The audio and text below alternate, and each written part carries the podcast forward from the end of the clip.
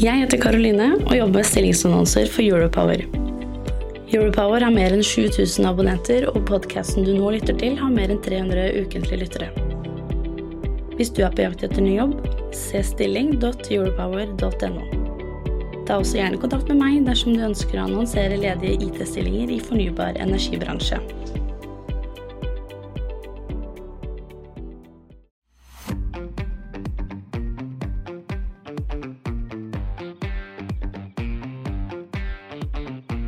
Hei, og velkommen tilbake til Europowers strømmarkedet på tre minutter. Det er ikke de helt store hendelsene i markedet den siste uken, men vi har allikevel ganske mye bevegelse både i spotprisene og i terminprisene. Vi begynner med spotprisene. De fortsetter oppover, i alle fall for Sør-Norge sin del. Og der eh, fortsetter altså prisene oppover mot 1,50 kr, der hvor Tyskland ligger. Det er ikke helt der oppe enda. Mens uh, vi ser for uh, Oslo, altså Østlandet og Bergen, litt mer sidelengs, i underkant av en krone, mens da Midt- og Nord-Norge de ligger fremdeles da ganske stabilt mellom 25 og 30 øre, så er liten utvikling der nå siste uke.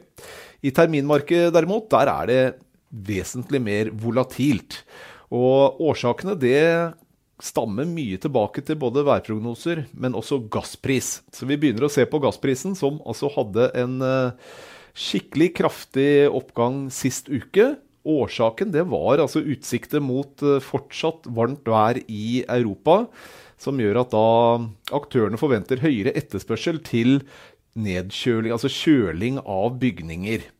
Eh, nå har værprognosene endret seg litt, så gassprisen har kommet litt tilbake. Det er også en liten iblanding av eh, etterspørsel etter gass i Asia som også er med å påvirke prisen her. Og det er nok en ganske høy nervøsitet og eh, en del risikopremie også i de prisene.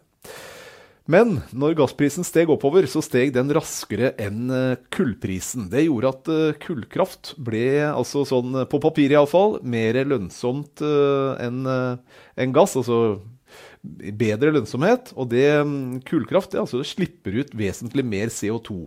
Da tenker CO2-markedet at da vil etterspørselen etter klimakvoter øke, og dermed så løfter de også prisene. Nå som gassprisen har falt ned igjen, så detter også tilbake denne CO2-prisen. Så her er det, det er ganske mye nervøsitet. Da ser vi at eh, gasspris pluss CO2-pris da får du en direkte kobling mot den tyske terminprisen, her representert med juliprisen. Og som også hadde egentlig samme bevegelse. Først en veldig kraftig oppgang forrige uke, mens nå altså begynte det nå sist fredag, og fram til nå så har vi hatt eh, ja, en god trend nedover. En god korreksjon, som de kaller det. I Norden så ser vi eh, mye av det samme. Altså, vi har hatt en uh, ganske kraftig oppgang i Sør-Norge, hele Sør-Norge, i terminmarkedet og i Midt-Norge.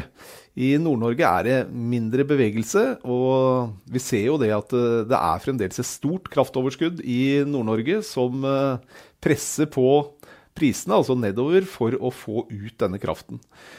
Prisene i midt og sør de har også korrigert nedover, sammen med da, de tyske prisene og og tysklandsprisene.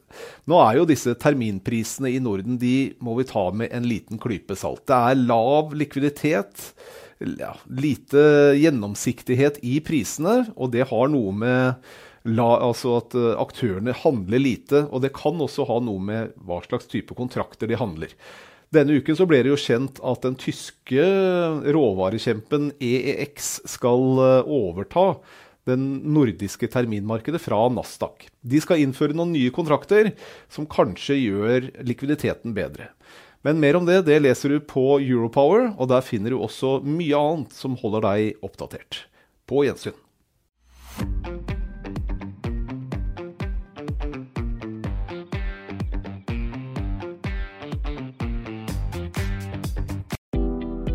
Jeg heter Karoline og jobber med stillingsannonser for Europower.